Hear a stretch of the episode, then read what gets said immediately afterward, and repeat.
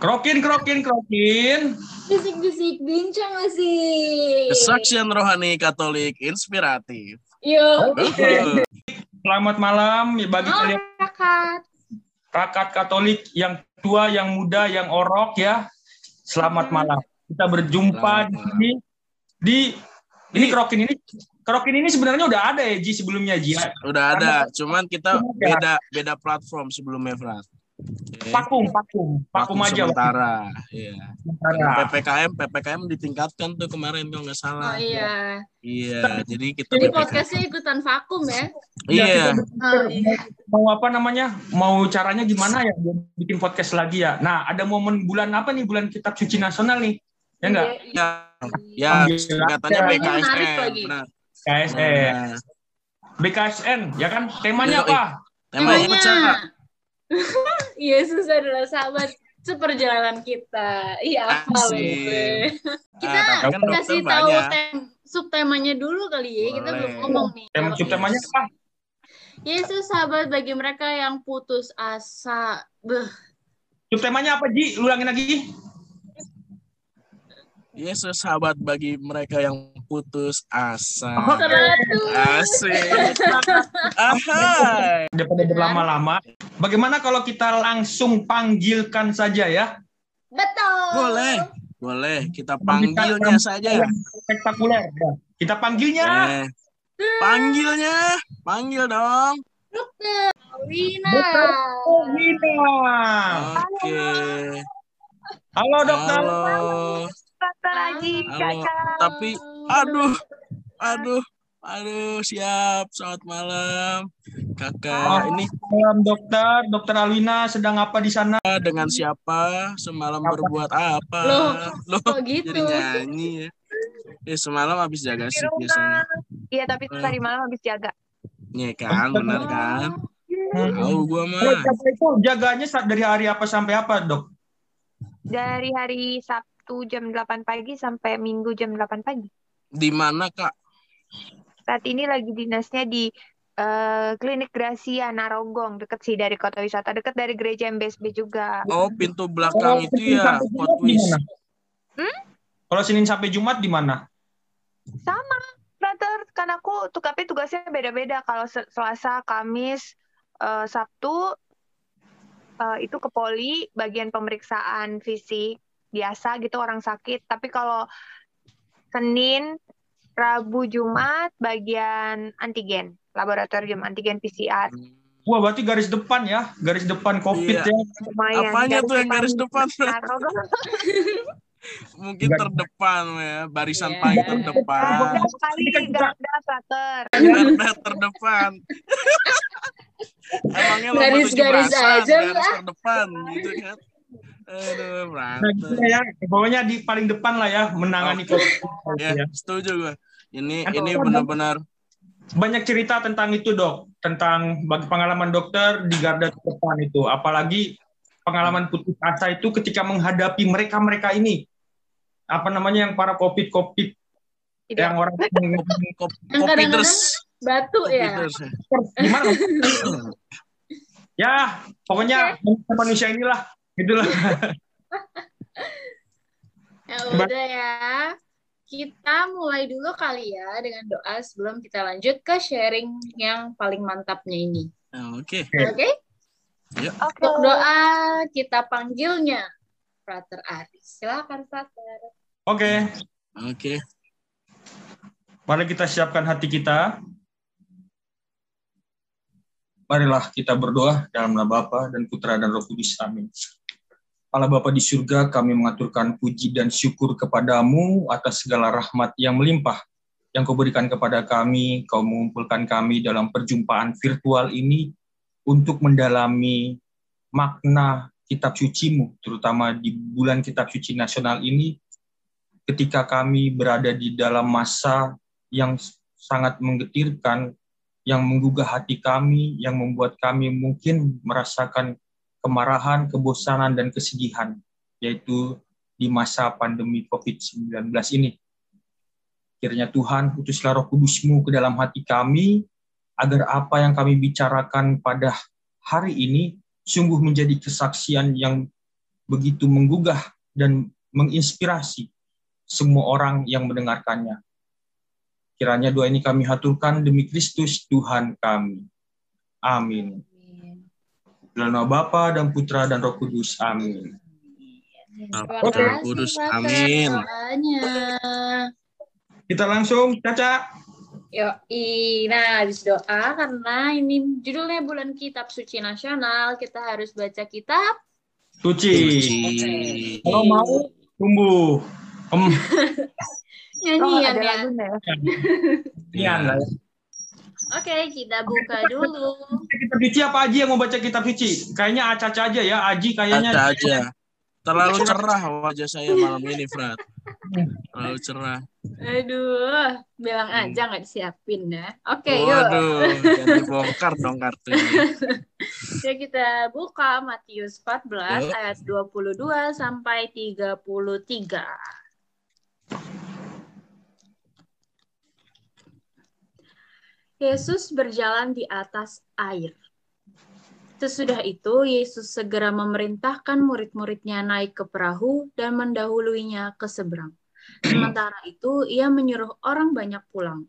Dan setelah orang banyak itu disuruhnya pulang, Yesus naik ke atas bukit untuk berdoa seorang diri. Ketika hari sudah malam, ia sendirian di situ. Perahu murid-muridnya sudah beberapa mil jauhnya dari pantai dan diombang-ambingkan gelombang karena angin sakal. Kira-kira jam 3 malam, datanglah Yesus kepada mereka berjalan di atas air. Ketika murid-muridnya melihat dia berjalan di atas air, mereka terkejut dan berseru, "Itu hantu!" Lalu berteriak-teriak kepada mereka, "Tenanglah, aku ini, jangan takut." Lalu Petrus berseru dan menjawab dia, "Tuhan, apabila engkau itu, suruhlah aku datang kepadamu berjalan di atas air." Kata Yesus, "Datanglah." Maka Petrus turun dari perahu dan berjalan di atas air mendapatkan Yesus. Tetapi ketika dirasanya tiupan angin, takutlah ia dan mulai tenggelam, lalu berteriak, "Tuhan, tolonglah aku!" Segera Yesus mengulurkan tangannya, memegang dia dan berkata, "Hai orang yang kurang percaya, mengapa engkau bimbang?" Lalu mereka naik ke perahu dan angin pun redalah. Dan orang-orang yang ada di perahu menyembah dia. Katanya, "Sesungguhnya engkau anak Allah." Nah, itu bacaan buat hari ini, buat episode ini, buat subtema ini. Gimana nih? Tentang apa Ji? Tentang apa yo Ji? Nah, lo di review Nah, tuh. untung aku mempersiapkan tentang Yesus yang berjalan di atas air. Oh, itu judulnya ya, Pak ya. Yang dibaca Iya. ya. Ya. Wah, jadi ini kisah tentang Yesus berjalan di atas air ya. Kalau kita lihat, kita baca baik-baik itu, itu tuh eh, si abis sebenarnya itu kalau baca kitab suci semuanya ya dari awal itu dibingkai dengan dua dua mujizat sebelumnya. Ya. Yesus memberikan apa namanya eh, makan lima ribu orang, lalu apa namanya lagi tentang Yesus eh, apa namanya menyembuhkan orang-orang sakit di Genesaret. Nah itu sebelum itu juga udah mujizat lagi. Tapi ini semakin untuk menunjukkan bahwa Yesus itu senantiasa hadir di dalam kegundahan, kegalauan, uh, kesusahan gitu. Hmm. Dan kita harus percaya gitu. Intinya di situ bacaan bacaan ini, bacaan ini gitu. Ah, siap, Dan- siap, siap. Sebenarnya di gua apa namanya di danau itu kan mereka nelayan ya. Harusnya udah Iya. biasa soal ombak dan ombak yang besar gitu kan ya badai besar gitu udah biasa sebenarnya. Harusnya mereka nggak takut. Tapi yang nggak biasa ada, Frat. Ya, tapi kayaknya itu luar biasa gitu ombaknya, Nah. badai luar biasa. Ya, Jadi membuat, membuat mereka itu takut. betul. nah, Ketika takut itu, mereka bingung kan mau minta Hmm. tolong siapa kan. Sebenarnya ada lagi di satu cerita lagi uh, Hmm. di Injil lain di Injil apa lupa Lukas apa Markus itu Yesusnya tidur, tertidur gitu. Tapi kalau ini Oh, enggak ya. iya. Yesusnya aku tahu. ada Yesusnya- Yesusnya sedang berdoa, berdoa di tempat tinggi gunung, di gunung gitu ya. Baru Hmm. Yesusnya berdoa. Mereka nelayan lah pergilah ya untuk mencari makan atau gimana gitu. Nah, ketika datang Yesus itu apa namanya? Meredakan. Itu menunjukkan makna kristologis kalau dibilangnya itu. Makna bahwa ya ini? Kristus. Oh, Kristus. kristologis. Makna kristologis itu ini Kristus hadir gitu. Hmm. Dalam kesusahan, kesulitan, keputusasaan, Yesus hadir. Situ. Amin, amin, amin. Tapi kan nanti Petrus takut tuh. Nah, ini nih. Itu itu bentuk-bentuk respon asli manusia dong, ya kan? Iya, digambarkan oleh Petrus. Karena kan ada angin, masih masih badai itu masih ada angin tuh kan Hmm. jalan di air. Wah, gua bisa nggak nih? Bisa nggak nih? Ya, Ternyata bisa kan? Imannya Hmm. kurang. Kalau kaji yang kayak gitu gimana ya? eh, nggak usah bilang bisa nggak nih, bisa nggak nih gitu, kena angin sedikit tengkurap itu. Oh, Apa? tengkurap. Iya, kegedean. airnya ya. Iya, overweight, overweight. Oke, oke oke. Oke. Itu hal yang kita alamin sekarang itu juga kayak gini, ya nggak? Iya, kayak gitu. betul. Adainya itu Kita- kita pandang aja sebagai pandemi COVID gitu ya, Ya, pandemi dalam keraguan mau ke mana-mana keluar, ke mana-mana, aktivitas. Nah, ya itulah yang kita alami sekarang ini. Tapi kan ada orang-orang yang dengan semangatnya mau berani di depan gitu ya. Iya. Terlepas dari memang itu tanggung jawabnya, tetapi ada keinginan untuk tetap um, melayani di situ, itu adalah suatu panggilan hidup, ya enggak? Ya, nah, betul. kita mau dengar dari Dokter Alwina sendiri nih Ya. pengalaman dari lihat kalau lihat Injil ini. Gitu. Ya udah kita mulai dari awal aja pengalaman ketika pandemi COVID ini eh, perasaannya seperti apa sampai saat ini itu bisa dijabarkan nggak ya singkat aja nggak usah Hmm. panjang. ngerasa Hmm. ngerasa ketakutan nggak apa gimana gitu karena Awal-awal. jujur kalau aku sendiri iya kita yang bukan dokter pasti ngerasa tuh aduh ngeri gitu. Ini kan udah tahun kedua ya, tahun Ya, kedua ya. COVID Hmm. ya. Mm-mm. betul betul Kak. sebenarnya, tapi aku kalau aku pribadi sih nggak tahu kenapa ya. Jadi waktu dari COVID itu mulai ada sampai 2020 2020 selesai, itu kalau Hmm. dibilang takut nggak tahu kenapa, nggak takut gitu. Jadi Wah, beberapa teman, iya beberapa teman kan udah mutusin mungkin untuk resign. Itu banyak loh yang Hmm. resign, tapi nggak bisa disalahin juga kan. Kayak Iya. ini tuh lagi kayak ada war of zombie gitu, tapi zombinya nggak kelihatan, malah Iya. benar benar benar parah kan. Dan waktu itu belum banyak kayak belum banyak orang tahu apa sih ini COVID-19, Mhm. dia virus apa, obatnya apa. Mm-mm. sekarang kan udah ada 3M, 5M gitu-gitu. Iya. Dulu kan kita nggak tahu apa-apa gitu. Ya. Ah, benar-benar buta. Cuma aku apa mungkin dari dulu kali ya percaya bahwa eh, apa kalau kita udah ditempatin tuh di suatu tempat sebagai apa pun, sebagai mahasiswa, sebagai frater, sebagai dokter, sebagai security, sebagai apa tuh pasti udah emang Tuhan kasih imun yang imun, terus eh, hati, pikiran yang emang udah siap. Hmm. Jadi- setuju Jadi kalau dibilang takut apa enggak, walaupun aku bu- juga udah jadi penyintas kan Februari 2021 kemarin kena. Hmm. Selama isoman tuh juga enggak enggak tahu ini apa ya kalau orang bilang jangan apa enggak bukan sombong tapi waktu oh positif ya dok gitu. Oh oke Eh, isoman ya. Oh, oke waktu itu masih isoman 14 hari ya belum kayak sekarang nih bisa dipersingkat 10 hari. Oh oke. Eh, terus berdoa aja mungkin karena dalam setahun pelayanan nggak pernah cuti, mungkin Tuhan kasih ya udah kena COVID supaya Untuk bisa istirahat. Iya. Iya, 14 hari gitu. Jadi Duh, positif badai- sekali.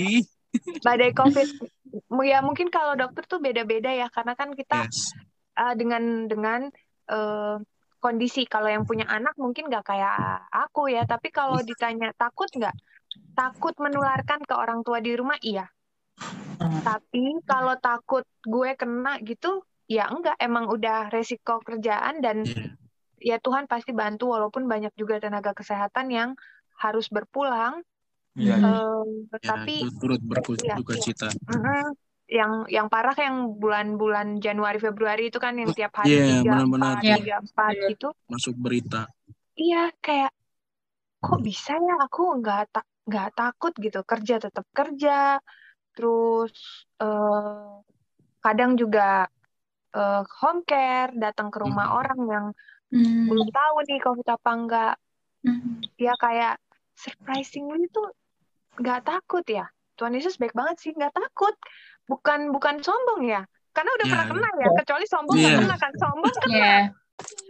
jadi itu sih Caca Aji Frater kalau ditanya Siap. takut nggak takut menularkan karena mungkin nggak semua orang bisa sepositif aku gitu menanggapi Hmm, penyakit benar. ini kan Karena Iya. karena kalau Kawina sendiri kan eh, apa ya istilahnya persentasi bakalan kena kan bakalan kena pun udah pasti tinggi gitu kan karena ya Iya, face to face gitu kan. Hmm. Jadi Hmm. keyakinan Kayak- untuk takutnya kayak yang lain ya. kayak nunggu giliran aja sih sebenarnya kalau kita kerja di rumah Iya. sakit klinik Iya. itu kayak. Jadi udah bukan fokus waktu. Iya bukan fokus ke takut yang Kenapa pada enggak? umumnya. iya Heeh. Mm-mm.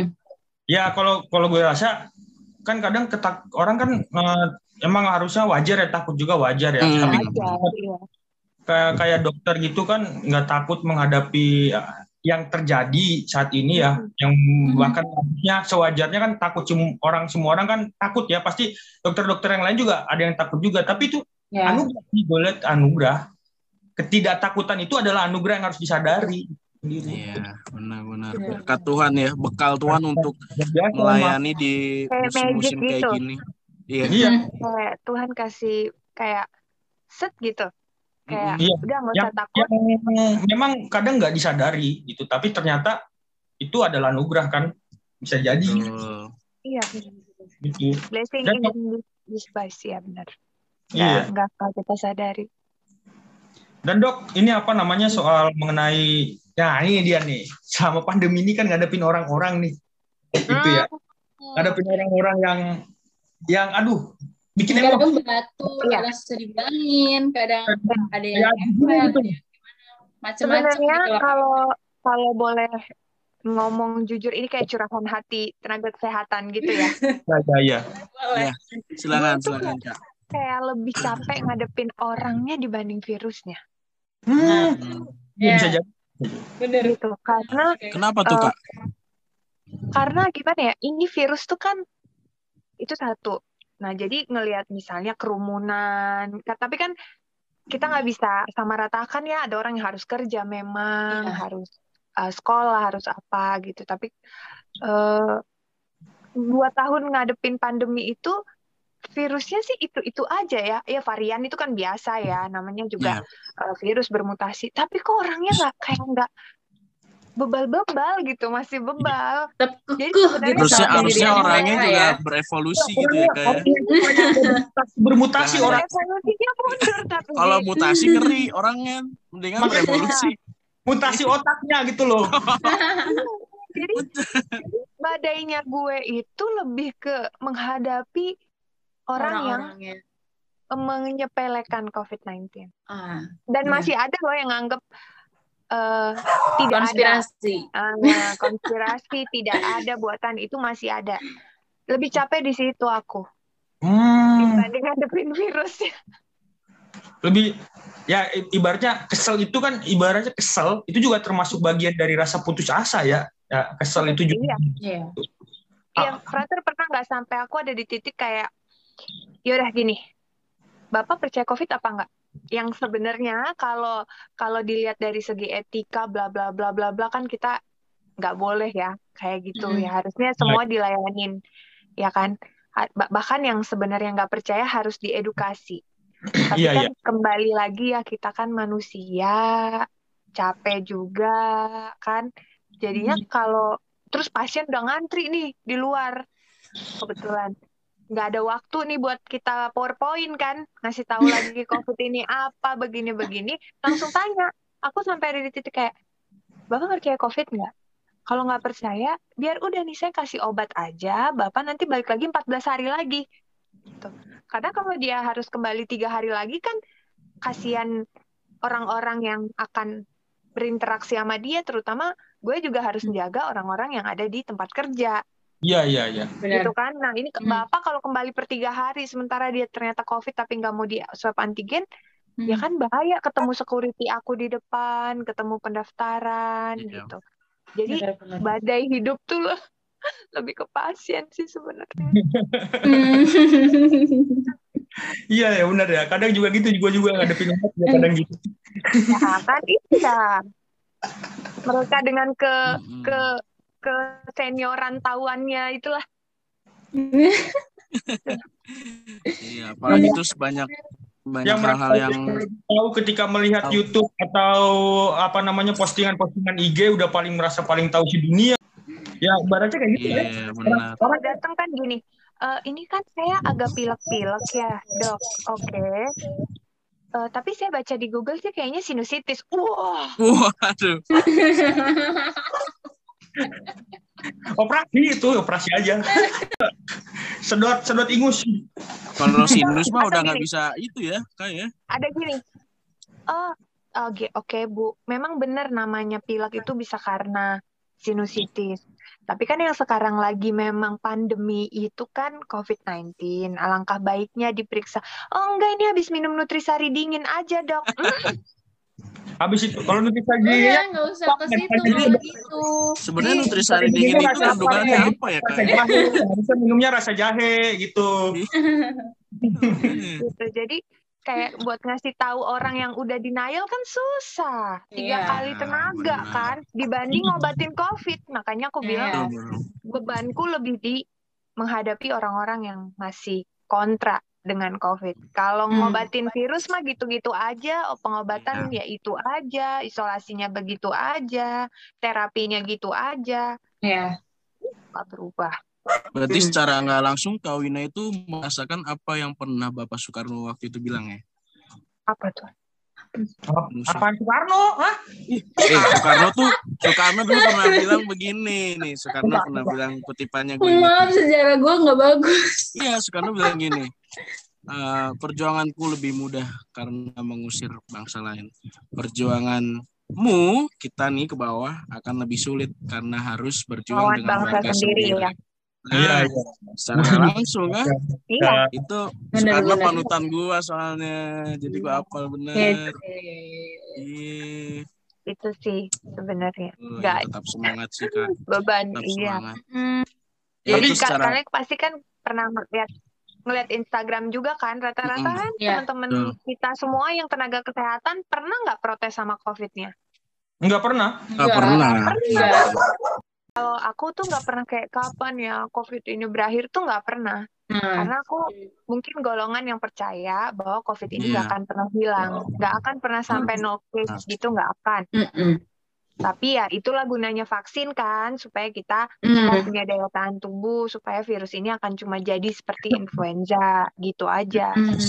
Tapi kan keluhan terberatnya adalah orang-orang yang belum menerima gitu. Kita udah sadarin, tapi kalau orang yang nggak sadar sendiri, Hmm, Betul. Awareness harus muncul dari dalam, bukan cuma dari luar dari doang dalam. gitu kan. Iya, ya kalau ngadepin orang-orang kayak gitu ya. Iya. Apalagi uh, udah percaya konspirasi ke mana-mana kayak kayak kayak ini kayak di tempat tempat itu bulat atau bundar gitu ya? kaum kaum bumi datar tuh kayak di tempat gua tuh ada Iya. tuh di tempat gua tuh Ada ya. ada di daerah Kabupaten Bogor daerah Pamijahan sana itu ada bapak-bapak pakai peci terus bapak gua nelfon kan terus bilangnya gini ke ustadznya itu bilang gini bang jangan percaya nanti kalau ada kapal terbang katanya masuk aja ke, ke, ke rumah katanya kenapa emang pak katanya kata bapak saya kan iya bang soalnya nanti pasti nyemprotin virus katanya wah gila keren banget gue bilang gitu Ah, berbanding kebalik ya. Justru gua kalau ada pesawat lewat minta uang, minta uang gitu biasanya. mah. coba dulu Aduh lu. Aduh, gue nggak ngerasain semua itu kayak gue terlalu muda ya. Aduh kamu, kamu. Ibaratnya itu ya badai badai kehidupannya dokter itu justru ketika masa pandemi itu yang ngadepin pasien-pasien ini ya. Iya, Ya, benar-benar. itu badainya Yang ibaratnya yang bikin, yang bikin putus asa, ya kesel juga kan bagian putus asa sampai bisa berpikir seperti itu. Itu. Iya, benar Frater sampai kayak yang ya udah deh em, balik ya Pak. Oke, ini karena masuk angin ya kehujanan. Oke, nggak apa-apa. Ini obatnya 14 hari lagi kembali ya, gitu. Iya. sampai sampai keselnya bisa kayak gitu ya jadinya ya. Ya, Hmm. sampai kita tuh kalau di di SOP itu kan ada surat penolakan ya. Iya. Jadi kalau misalnya nanti terjadi sesuatu perburukan dan segala macam, eh, keluarga pasien tuh nggak bisa menuntut kan. Oh. Kalau misalnya, nah itu aku pagi-pagi tuh dengan optimisnya udah nanda tanganin sekitar 5 apa 6 kertas ya. karena aku Mhm. tahu pasti hari ini gue akan ketemu nih sama kaum kaum ini gitu. Jadi kalau kalau udah pak periksa antigen ya. Hmm, ini karena ini karena ini karena itu karena ini. Kayak aku Langsung kayak langsung ya udah ah, ini nanti ditandatangani di luar sambil ambil obat gitu. Itu bagian dari putus asa bener Frater Udah sampai sampai muak lah ya ibaratnya gitu ya. iya Hmm. tapi tapi dokter untuk apa namanya eh, menanggulangi ya perasaan-perasaan kayak begitu tuh kayak gimana coba Hmm. ada gitu Nah. apa dinikmatin aja seperti itu kan nggak mungkin kan enggak Ya. kadang kadang kan ngeluh gitu ya kadang Ya, aku kan wajar gitu kan? misalnya ya dalam hati atau suka ngomong sendiri gitu karena kebetulan tempat kerjaku kan ruangannya cuma aku gitu jadi kayak eh wah susah banget sih ya kayak gitu gitu Tapi tuh- Ngedumel. tapi tuh ya Tuhan tuh kayaknya nggak lama nggak lama itu pasti nanti ada satu pasien gitu yang kayak sangat kooperatif Hmm. Frater. Ah, yang dia ya. kayak yang kayak "Ah, dok saya ini kan agak pilek nah eh, memang sih saya nggak meriang saya nggak A saya nggak B nggak B. Tapi saya memang kemarin itu ngambil rapot anak saya gitu misalnya. Oh Hmm. oke berarti ada interaksi dengan beberapa orang ya bu? Ya Eh, ibu eh, pekerjaannya apa? Oh saya ibu rumah tangga misalnya gitu. Hmm. Eh, ibu tahu ada yang namanya COVID-19 kan? Iya tahu. Nah saya tuh takut dok kayak gitu. Eh, saya sih sarannya ibu periksa antigen. Oh boleh? Sekarang? Gitu. Nah jadi Ih. ketemu pasien yang Jadi balikin mood. Iya itu wah, langsung kayak oh ternyata yang tadi itu cuma Angin Sa- lewat. angin lewat gitu badai Jadi lewat Tuhan, iya jadi aku Badai gue lewat. ngerasa tuh kayak Tuhan tuh kayak ya lu tuh masa ketemu dua ngeluh tapi ketemu sepuluh nggak bersyukur yang sepuluh Ya. yang peka nggak nggak nggak nggak bersyukur. Tapi ketemu dua tuh kayak "Eh, susah banget sih mati juga mati sendiri. Kan suka kayak gitu ya kita dalam hati. Tapi kan nggak boleh dikeluarin kan. Tuhan tuh langsung ngirim gitu gitu. Ada pasien yang ternyata lebih kooperatif yang yang yang apa yang mau. Bahkan dia juga menanyakan hoax-hoax gitu langsung ke ahlinya. Itu mungkin itu kayak apa ya eh, menyimbangkan mood, Mood itu yang bikin booster. kayak oh gue itu kerja bukan buat mereka yang nggak percaya gue kerja buat mereka yang percaya Percaya. gitu. iya iya iya Keren banget. dahsyat dahsyat dahsyat Kalau mereka- Terasa mereka- sekali vibe mereka mereka berarti. percaya kayak Petrus mereka tuh takut Iya. awalnya percaya tapi karena udah ken udah kena hembusan hoax angin hoax ibaratnya tuh langsung Petrus ada. Pater. Petrus terus yang suka cuci tangan tuh Pontius Pilatus ya Waduh, masa terpanggil saya. ada Ada Karakter juga. terakhir. biasanya anaknya nih anaknya nih kita duga COVID-19 emaknya nggak terima. Ada. Ada. Tapi Iya. begitu anaknya sesek terus gue aku tanya gitu kayak mamahnya mana?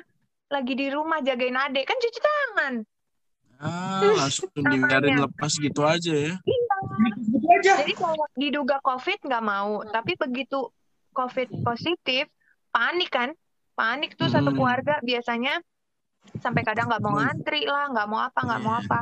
Ibu yang nolak untuk di antigen itu lagi jaga adiknya gitu. Jadi maksudnya eh, banyak yang kena dulu baru percaya banyak yang dia ini sebenarnya apa ya kayak nggak tahu apa-apa tapi udah bawa orang ke pemikiran dia tapi begitu orangnya itu kena dia nggak mau tanggung jawab gitu Ah, ya.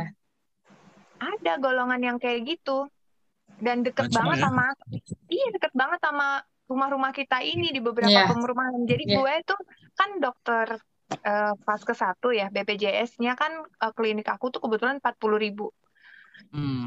kuota pasiennya itu jadi perumahan A B C D G gitu gue tuh sampai kayak gini "Eh, maaf bu tinggal di mana Per- eh, ini oh udah tahu nih arahnya ke mana karena kayak ada perumahan atau geng-geng gitu yang oh ini yang nggak percaya covid ini yang percaya Ah. covid ini yang itu beneran loh tetangga-tetangga kayak gitu segitunya ya. Ya, benar. Tapi Kawina aku aku mau Apa? tanya deh. Apa apakah gara-gara eh, mereka itu nggak mau di apa tadi? Yang dites itu namanya Swab. antigen. Swab, swab. Swab atau antigen itu apakah karena mahal, apakah karena apa ya? Kan setahu setahu aku gitu kan itu juga disuplai sama pemerintah gitu. Hmm, nah. Itu yang dimaksud tuh gimana sih? Apakah emang berapa sih harganya sebenarnya gitu? Mungkin biar masyarakat Katolik nih yang dengerin podcast ini juga tahu pada umumnya di di apa puskesmas itu berapa gitu. Oke, Eh, kalau bicara soal antigen, sebenarnya kan nggak cuma antigen ya, di bidang apa pun lah ya. Kalau misalnya demand-nya lagi tinggi, biasanya kan eh, harganya juga ikut tinggi, Hmm. Nah, ya. gitu kan. Iya, Jadi iya, memang iya, iya. eh, apa dulu di awal-awal antigen itu mu- mulai diberlakukan kan Desember 2020 ya. Saat itu dijadikan syarat perjalanan waktu itu. Iya, iya benar-benar. Sebelumnya kan masih antibody yang memang ya itulah aku bilang COVID ini tuh kita eh, sebagai manusia itu harus paham bahwa ini bukan penyakit yang bisa diselesaikan dalam waktu 1, 2, 3 tahun. Ya. Jadi kita harus siap akan perubahan-perubahan. Nah, jadi jangan menganggap bahwa lah kemarin gini, kok sekarang gini gitu. Nggak ada, Hmm. nggak ada presiden atau dokter yang mau pasiennya mati, nggak ada. Kenapa? Karena Betul, kita itu kan satu ada surat izin praktek. Kalau kita em, be- berbuat sesuatu yang harm gitu, itu berimbas ke kita juga. Eh. Jadi Iya, iya. Aku aku sering nonton di drakor-drakor. Ah, aku mau tekankan bahwa nggak ada dokter itu yang mau pasiennya mati. Bener. Jadi nggak ada juga dokter yang mau mengcovidkan pasien karena kita juga udah capek kalau ditanya. Ya. Jadi kalau misalnya dulu antibodinya 250.000 ribu gitu kan, Hmm. itu bukan harga dokter ya, itu kan harga pengusaha rumah sakit, Oh. pengusaha klinik, pengusaha lab. Itu bukan dokternya yang ditanya mau harga berapa dok? Enggak, sama sekali enggak. Kita ikut aja apa kata. ah, tapi begitu demand-nya turun, harganya juga ikut turun. Jadi Hmm. masyarakat juga jangan, lah kemarin 250, kok sekarang jadi 95 ribu? Ah, Ah, itu siap, karena siap. ah, karena demand-nya udah mulai turun dan Hmm. Indonesia itu udah mulai pintar buat ciptain alat antigen sendiri. Dulu kita import kan dari Cina, iya, iya. Cina, Jerman, Mhm. Jepang. Indonesia belum Jadi- bisa buat Berarti sebenarnya harga itu kebijakan ya, Dok ya? kebijakan. Iya, sekarang di tempat kerja aku udah termurah si celenci, tujuh eh, sembilan puluh lima ribu. Hmm, tuh. Wih, Masyarakat nah, Katolik tuh. yang rumahnya di Chelsea, antigen sekitaran Geria Alam Sentosa dan Timus Nunggal Limus sampai kota kota wisata. wisata Ayo, segera datang. Segera dokter loh. Hmm, langsung ketemu sama dokter Winanya, bisa ngobrol Iya. gitu kan. Karena Eh, banyak Mau nanya juga kalau misalnya ada yang bilang, ah ini mah nanti di covid kan nih katanya gitu tuh. Itu tuh yang kayak gimana tuh? Hmm, Itu keplak aja kayaknya, Fat ya. Pakai Alkitab Nah, palanya. Sadar. Jadi kalau misalnya kayak ma- ma- nggak mau di COVID kan, periksa. Jadi aku sering ngomong gini ke pasien, Bapak tahu Bapak COVID apa enggak? "Eh, enggak, gitu. Saya juga nggak tahu Bapak COVID apa enggak. Oke, Hmm. gimana cara kita tahu Pak? Kita periksa.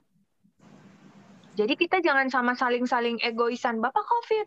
Enggak dok, saya nggak COVID. Nggak bisa, karena ada alat pemeriksaannya. Namanya yang termurah dan tercepat tuh antigen ya. Tapi kalau ditanya yang Iya. paling baik adalah PCR. PCR. PCR. Gini kalau dilihat dari segi dokter yang kerja di klinik ya, aku nggak tahu. Tapi aku rasa semua temanku yang kerja di tenaga kesehatan ma- di mana pun juga nggak mau capek-capek nge-covidin orang. Karena, Prater, kalau dia udah COVID, karena kebetulan klinik aku kan ada layanan konsultasi online ya, Iya, iya. itu kita bisa nggak tidur. Gara-gara kan dia dikit-dikit gerak ada keluhan WA, dikit-dikit gerak ada keluhan WA. Siapa sih yang mau kayak Hmm. gitu? Kan kita Nah. dokter tuh pekerjaan. Punya Tapi setelah, kehidupan sendiri. ah, setelah pulang dari klinik kan pengennya nonton drakor, main game, ya nggak? Tapi begitu kita mengcovidkan orang, itu kita udah tahu, oh ini gue bakal nggak tidur. Dan sen- pe- pengen nggak dokternya kayak gitu? Enggak. Jadi Hmm. kita kalau memang ada yang negatif, waduh puji Tuhan, Pak, ini hasilnya negatif sih. Eh, boleh pulang ya. Nah, untuk sementara kalau cuma batuk-batuk dikit, udah nggak usah ke klinik. Di rumah aja, herbal boleh apa-apa bla bla bla. Tapi kalau emang yang COVID ya mau nggak mau, walaupun samar kan banyak yang bilang gini, yang tiganya samar nih dok. Kemarin teman saya positif jelas, ini samar nih gitu. Padahal kan dia tuh baca nggak sih uh, instruksinya, cara baca hasilnya itu kan bukan awam, itu kan dokter gitu. Jadi kalau kita menduga pasien COVID-19 itu karena pandemi gitu. Jadi semua yang bergejala suspek. Gimana caranya supaya tidak tidak tidak COVID-19 dengan pemeriksaan PCR? Hmm. Tapi mau nggak pasiennya di PCR? Nggak semua mau dengan alasan nggak punya dana. Satu kan kita lemahnya di situ ya. Kan katanya punya dana, satu takut di COVID kan, dibilangnya nah, gitu. Iya, takut di COVID kan supaya rumah sakitnya dapat Uh, tunjangan. Iya. ya, oke. Okay. Nah, gue di klinik kagak dapet apa-apa. berarti kalau gitu, berarti kalau gitu kita PCR di klinik kakak biar dapat. Oh, Enggak bukan PCR begitu ya masyarakat kacau. PCR udah udah udah diatur sama Jokowi kan. Yeah. Iya. Uh, harganya berapa gitu. Jadi yeah. semuanya sekarang udah lebih uh, mudah dan murah sih. Yeah. Fasilitasnya juga udah banyak sih. Mm -mm bahkan kalau nggak salah update terbaru itu eh kita sebut aja lah sebuah perusahaan ya. Uh, Halodoc itu udah menyediakan menyediakan itu juga ya kawinnya ya. Udah menyediakan apa namanya uh, pelayanan-pelayanan lebih lah. Yang penting di mana katanya mah ada sinyal gitu gitu. Oh iya. Sponsor ya, iya. sponsor. Ya, tolong ya Halodoc. Tolong ya Bisa Halodoc. kami disupport. tolong ya, ada exposure nih um, sebenarnya eh, nggak uh, cuma Alodok sih banyak kok ah, platform ah, atau uh, ada apa ya Halo Dokter ada, ada yeah. House Care, ada Fast Lab, udah banyak. Udah banyak sekarang yang menyediakan uh, fasilitas terus dengan harga yang murah. Nah, dulu kenapa mahal? Karena nggak semuanya bisa nyediain, Ji. Hmm. Ya dong, kalau lo punya iya, sesuatu, ya, masker juga punya kayak gitu. Ah, punya sesuatu yes. orang lain belum, lokasi harga Jadi mahal. juta, ya, mau. Benar. Tapi kulihat, oh semua sekarang udah ada. Nah, mm. giant-giant lab gitu ya akhirnya kan nurunin harga. Iya. Yeah. ya semuanya akhirnya bisa uh, apa uh, satu harga gitu. Karena mm klinik ini udah bisa apotek itu udah bisa lab berdiri sendiri. Bahkan udah ada yang di jalan-jalan ya Jadi kan? banyak ya, saingannya gitu ya kayak ya. ya. dan ke depannya bisa lebih murah lagi. Bisa. Tapi ya hmm. jangan nunggu murah dulu baru lo periksa. Kan? iya. gitu, keburu kan? mencicipi.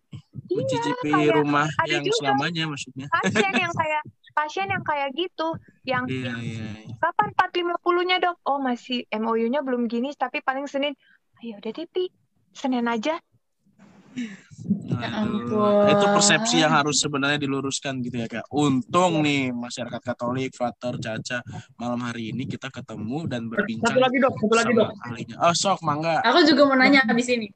Satu lagi. Padahal gue belum nutup loh sebenarnya. satu lagi dokter itu kan ini yang paling penting terutama ini yang paling penting. Ketika hmm. berhadapan dengan pasien-pasien itu kan memang ada yang ngeyel ya yang merasa dari kita sendiri lelah lah ngadepin orang itu. Tapi juga ada yang ibaratnya dokter menghadapi mereka yang percaya yang udah ada pasien-pasien terus ada nggak dari mereka gitu yang merasa putus asa sedih? Ya gimana ya sharing sama dokter gitu loh karena hmm, kalau karena covid gitu Pernah sih, Frater, misalnya gini, dia uh, kita ini kan kebetulan tinggal di daerah pabrik ya, bisa dibilang yes. gitu kan ya. Uh, terus kesenjangan sosialnya itu kan kerasa banget.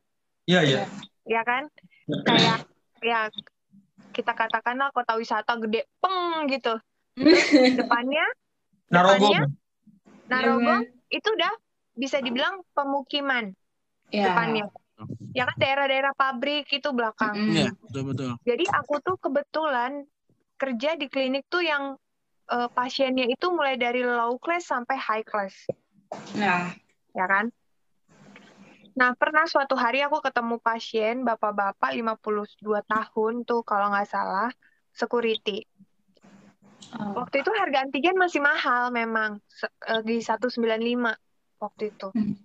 Dia mau mau eh, di antigen tapi belum dana. gajian, Ya. belum gajian waktu itu. Hmm. Tapi aku dari gejalanya kayak yakin banget sih ini ke arah COVID-19 apalagi waktu itu kan bulan bulan Mei, bulan Mei ke Juni itu yang gila-gilaan ya second wave kan. Iya, iya. Eh, terus aku kayak oh ini pasien mau, tapi kalau aku langsung isolasi mandiri kan dia kan butuh keterangan Iya. perusahaannya eh, di bawah dia COVID. Nggak bisa cuma aku tulis COVID-19 harus ada hasil antigen kan minimal. Eh, karena kalau dia izin potong gaji, karena kita ini masih banyak Iya, ternyata pabrik-pabrik yang tidak ada izin sakit. Iya, iya, iya. Kasihan Ya, ya, benar. gitu. Jadi kalau sehari nggak masuk potong ini dua hari, apalagi yang namanya security kan shift-shiftan ya. Iya. Eh, sam- kadang tuh sampai dan ini pasien bukan cuma satu gitu, dua, tiga, empat, lima orang lebih mau diperiksa, tapi pas tahu harga waktu itu kayak, oh, satu sembilan lima ya dok. Oh belum belum gajian, gitu. mau mah mau gitu. Hmm. Nah, eh, waktu itu sam- pernah sampai kayak sedih juga sih ya. Jadi sedih kan. Jadi kayak oke gini aja Pak jalan keluarnya. Bapak obat dulu aja. Eh, nanti tiga hari lagi kontrol lagi. Nah kita kan ada rekam medis ya namanya di eh, di itu rekam medis tuh sejarah riwayat pasien lah gitu. Mm-mm. Nah jadi aku tuh beli kit sendiri. Ini mudah-mudahan owner gue nggak denger ya. sendiri, beli kit Mhm. sendiri. Jadi hmm, aku periksain, periksain. Tapi eh, kan aku tidak bisa mengeluarkan surat dong, Iya, karena iya. saat itu kan aku sifatnya bekerja di klinik tersebut gitu. Hmm. Jadi kalau dia negatif, ya biar dia nggak perlu capek-capek bayar ya nggak sih? Iya, iya. Iya kan? Oh, Kalau secara dia positif, iya, ya. benar-benar. Ah, 100 cepet 50, ah, cepet 95, tiga hari berat juga ya nggak sih? Ya, Tapi kalau dia positif, kalau dia positif, diskon, diskon, diskon karyawan gitu. Ah, sih. Nah, Iya, iya. cuma kan owner gue juga mikir kan, kok dokter Vincent antigen mulu? kan nggak mungkin orang antigen dua hari sekali, tiga hari, hari sekali dokter Vincent gitu. Iya. Akhirnya aku pernah sih dapat teguran gitu, rata. Itu artinya bahwa eh, keputusasaan tuh sampai bisa bikin kita nekat nggak? Yes, benar-benar. benar. Ya kan? Bapaknya bahkan- positif nggak akhirnya? Bapaknya tuh positif nggak? Ne- eh, negatif sih, Oh, negatif tapi kan Tuhan. negatif tapi observasi ya karena kan hasil antigen nggak nggak nggak Oh, iya, buat iya, iya. diagnostik kan cuma Hmm. paling nggak hari itu dia nggak ngeluarin 195 ribu lah kalau ngelihat Iya. tampangnya kayak tapi belum gajian dok wah kalau Ya, udah memelas gitu ya. antigen ngandelin gajian kan berarti emang Hmm. nggak ada tabungan untuk ke arah sana gitu nggak ada pos Gak ada Arah preparation. Iya. Karena ini emang unpredictable banget. Ini Ya, ini siapa yang tahu ini Kawina berbuat baik aja masih kena hal yang gak enak ya. Benar-benar Oh waduh, tetap semangat ya. kayaknya owner gue nggak dan bakal denger ini sih kan dia bukan orang kita gitu ya Iya, ngomong ya. Ya, is okay lah, nggak apa-apa. Pokoknya tetap semangat lah buat Kawina Iya. gitu kan. semangat. Eh, mikul salib bukan cuman salibnya tapi salib banyak orang. Bener. Tadi kayak Caca masih mau nanya-nanya nih Caca. Hanya apa ya? Oh, Ya. aku lebih ke sebenarnya lebih ke pesen sih. Kayak kan ada sometimes mungkin orang udah bergejala tapi ada aja gitu karena memang mereka butuh dana eh memang butuh dana untuk kehidupan. Sometimes mereka bilang dengan alasan aduh gue nggak ada waktu nih gitu. Hmm. Itu menurut kalian kayak gimana? dia bisa ngomong gak ada waktu mungkin karena dia lagi baik-baik aja ya. Kalau orang OTG, orang orang tanpa gejala atau gejala ringan, itu pasti eh, tingkat denialnya tinggi gitu. Hmm. Tapi ya. begitu nanti dia jatuh ke fase sedang dan berat, Ah ya. sesak nafas dan sebagainya, dirawat Hmm. di pinggir jalan aja mau. Karena ini virus tuh bisa bikin orang kayak air, kayak ikan dikeluarin dari kolam gitu, megap-megap gitu. Ah, Kayak Mhm. kita disuruh bernafas di air, bisa nggak? Nggak bisa kan? nggak bisa. Ya. Jadi ini Benar, bukan benar. masalah nggak ada waktu. Hmm. Lo Belum punya kena. uang, lo punya Iya. uang, lo punya kedudukan. Kan kita udah jadi saksi ya, petinggi juga meninggal, orang Mm-mm. kecil juga meninggal gitu. Mm-mm. Lo artis, selebgram terkenal, endorse sana sini juga nggak dapet juga rumah sakit gitu. Benar iya. sampai Ini ada yang bukan- dirawat di mobil, di mana? Rawat di mobil, rawat sendiri. Akhirnya ini bukan masalah ada waktu apa enggak gitu. Pengen pengen hidup apa enggak gitu. Kalau misalnya masalah butuh dana, jangan dipikir dokter itu wah duitnya banyak karena COVID gini gitu gini gitu enggak juga gitu. Banyak juga dokter yang harus survive nih eh, di masa pandemi ini gitu. Cuma eh, kita ada tanggung jawab moral kan yang mungkin tanggung Ya, jawab ini nggak dimiliki sama eh, profesi lain Betul betul. Ya. gitu. Jadi Karena kalau karena memang iya benar banget. bergejala periksa deh Mm-mm. bukan masa kalau misalnya memang nggak ada duit ke puskesmas. Tahu aku puskesmas kalau memang ada gejala, ada kontak erat, kalau cuma antigen mah di cover. Mm-mm. Sip, sip. Ada ada itu ya kayak ada apa namanya? Eh, apa ya? Kalau profesi itu ada nilai etikanya ya kalau nggak salah ya. Ya ada etika kedokteran. Nah, Nah, etikanya karena ah, karena itu dokter bikin. itu kan waktu jadi dokter itu kan nggak cuma di wisuda ya, Ji ya. Ya, Kalau benar. profesi lain kan wisuda, Betul. ya kan. Terus Oh, sama nah, sama kayak kayak teknik juga kok. Ada Kayak nilai jadi- kode kode etiknya. kalau dokter tuh wisuda kan S1, terus habis itu ngambil profesi kan. Bukan Hmm. kalau sarjana kan belum bisa praktek, harus ngambil Hmm. profesi kan. Benar. Habis ujian negara. Mhm. Habis ujian negara kan kita disumpah menurut agama masing-masing kan. Mhm. Jadi kalau sumpah dokter tuh eh, kiai datang, pastor datang, pendeta datang. Waduh. Jadi yang sumpah itu dokter ya. tuh agamanya apa aja, petingginya didatangkan dan bersumpah di atas kitab suci masing-masing gitu. Aku nggak tahu itu ada di profesi lain apa enggak ya. Jadi Oh di teknik nggak ada berarti. kayak waktu Hanya gue itu dokter. Alkitab, Alkitab gitu. Jadi kayak Hmm. kita eh di di naruh tangan gitu. Kayak Hmm. ih pelantikan gubernur apa gitu kayak Hmm, iya iya iya. ah da Ya. Bawa-bawa Yesus kali gila lu. Masa mau kerjanya mesti asal-asalan ya kan? Iya makanya. Aduh, udah begini-begini kan kita masih bisa agak korup-korup dikit tapi masa di dengan bawa-bawa atas na- nama eh, di di atas kitab suci di dalamnya kami berjanji akan tidak melakukan eh, apa mediko legal gitu kayak malpraktek memperlakukan manusia seperti kami ingin diperlakukan memperlakukan keluarga eh, sejawat kami seperti memperlakukan Eh, banyak tuh sumpah Waduh. dokternya Benar-benar. gitu jadi kalau Benar-benar memang harus dari hati juga ya kalau gitu ya. iya Mm-mm. iya mending kalau emang setengah hati mending resign dan itu nggak salah menurut gue Nah, itu nggak salah kan karena mungkin dia punya keluarga punya anak punya apa tapi selama masih bisa Ya. kerja ya kerjanya sepenuh hati dan so far aku lihat teman-teman aku sepenuh hati semua sih di mana pun.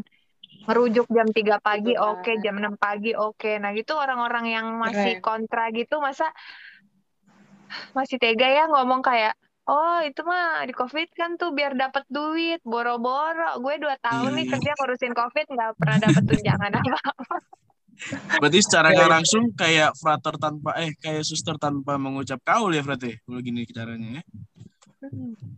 Ya terserah lu Ji lah. Ini lagi support Gua gua. agak loading sih sebenarnya. Iya maksudnya maksudnya kan tadi kan mah ini ja- apa salah satu panggilan jatuhnya gitu kan daripada setengah hati mema- menerima panggilan gitu. Itu juga panggilan hidup ya dengan sumpahnya tersendiri ya. Iya. Tentara juga demikian, pengacara juga demikian ya. Dengan sumpahnya sendiri dan memiliki tanggung jawabnya termasuk seperti Romo itu janji lah semuanya itu kan janji kita di hadapan Tuhan ya. Ibaratnya ya dokter Alwina atau dokter-dokter yang sedang berjuang saat ini ya menjalani hal itu semua ya enggak? Iya Iya. betul. di dalam Benar. di dalam rasa keputusasaan mungkin malah itu yang menyemangati mereka karena janji mereka itu di hadapan Tuhan itu Hmm. bisa Nah, jadi itu. Janji harus ditepatin ya, guys. Hmm. Ibarat Iya. sumpah itu kan sumpah itu kan janji ya. Ibarat sumpah itu juga sama dengan janji gitu. Tinggi gitu. Eh, Hmm. apa namanya? eh, kastanya antara sumpah dan janji Ya. sumpah itu lebih tinggi lagi gitu. Ya, Ya. begitulah. Kita pengen ngobrol banyak banget tapi karena waktunya eh, mepet, kita mungkin nanti kita bisa ngobrol-ngobrol lain lagi di lain waktu ya.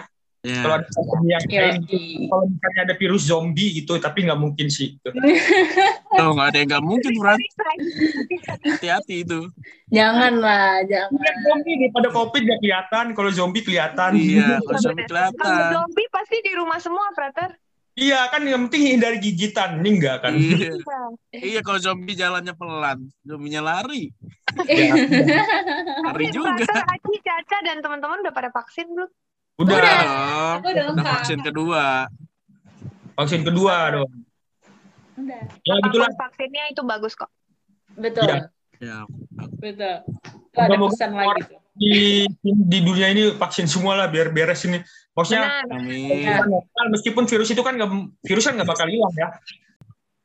Ya gitu ya, sebenarnya Ya. teman-teman dokter eh, sungguh menarik sekali malam ini ya, membuat kita menjadi sadar juga dan mengerti juga akan makna Injil juga ya dari pengalaman dokter ini ya soal ya emang Ya. keputusan itu pasti nggak bisa lepas ya dari kita ya. Kesal Ya. itu juga putus asa, muak juga itu berasa putus asa, bahkan sampai kita melakukan hal-hal yang aneh juga putus asa ya ibaratnya itu ya. Betul. Tapi bagaimana juga kita kembali mengingat akan kehadiran Tuhan yang akan selalu menguatkan kita. Misalnya kayak dokter yang mungkin bukannya sombong ya, biarnya itu tidak ada rasa takut, itu kan anugerah dari Tuhan. Itu Dan kesadaran. anugerah sih, iya. Anugerah dari Tuhan dan di mana kita saat ini bisa hadir di sini juga anugerah dari Tuhan ya. Bahkan di tengah keputusasaan itu Tuhan hadir seperti Pet- seperti berarti Petrus itu ya, yang udah Iya. Apa namanya yang murid-murid udah gelombang di mana-mana, tapi kan Tuhan hadir di situ. Nah itu yang perlu kita sadari, yang perlu kita sadari bagi masyarakat Katolik sekalian, bahkan siapa pun nanti yang mendengarkan ini, bahwa di hal-hal yang paling buruk pun Tuhan hadir. Itu. Yang harus kita sadari bahwa itu ingin memberikan makna. COVID ini bisa memberikan makna, misalnya kayak gue melihat maknanya bahwa ya ingin membuat manusia untuk menyadari berapa berapa kecilnya mereka itu ternyata dibandingkan dengan virus yang kecil ternyata mereka lebih kecil lagi gitu. Nah, lagi kayak gitu ya kan. Yes, setuju gua. Dalam hal ini kita tidak berdaya, kekecilan itu dianggap sebagai hal ketidakberdayaan kita dalam menghadapi ini. Dan kita meskipun dalam usaha tetap harus membutuhkan campur tangan yang ilahi ya kan. Ya, betul. Ya semoga aja kita semua uh, bisa melewati badai pandemi ini dan kita nanti bisa kembali normal meskipun ada perubahan sedikit lah ya. Ya, Mm-mm. amin, Dan amin. untuk sekarang jangan lupa pakai masker. Lupa pakai masker, Apa pakai untuk masker, cuci tangan. masker medis dan kain double-nya ya. Itu masker Ya. medis dan kain. Kainnya kain kain yang bagus. Mau ngelawak tapi nggak tahu mau ngelawak apa ya. Iya nih, jadi salah nih. Oke, terima kasih banyak. Oke, Yeay, Dok. Terima kasih. Makasih Kak Wina. Caca, tim juga. Iya. Nanti aku mampir-mampir ah ke klinik. Sekarang apa nih, Kak?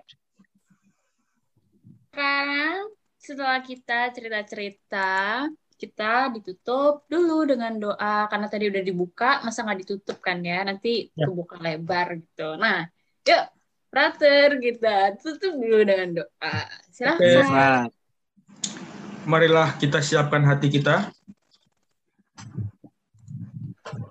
Marilah kita berdoa dalam nama Bapa dan Putra dan Roh Kudus. Amin. Amin. Allah Bapa di surga, kami mengaturkan puji dan syukur kepadamu atas perjumpaan kami pada malam hari ini dalam sharing kesaksian kami, terutama dari Dr. Alwina yang sangat inspiratif membantu kami dalam menyadari arti makna keputusasaan dan arti makna dari apa yang sedang kami alami pada hari-hari ini. Akhirnya Tuhan, berkatilah kami selalu dalam menerima sabdamu dan menyadari makna sabdamu yang berasal dari kitab suci dan juga sabda yang mungkin tersamar lewat suatu pengalaman yang kami hadapi.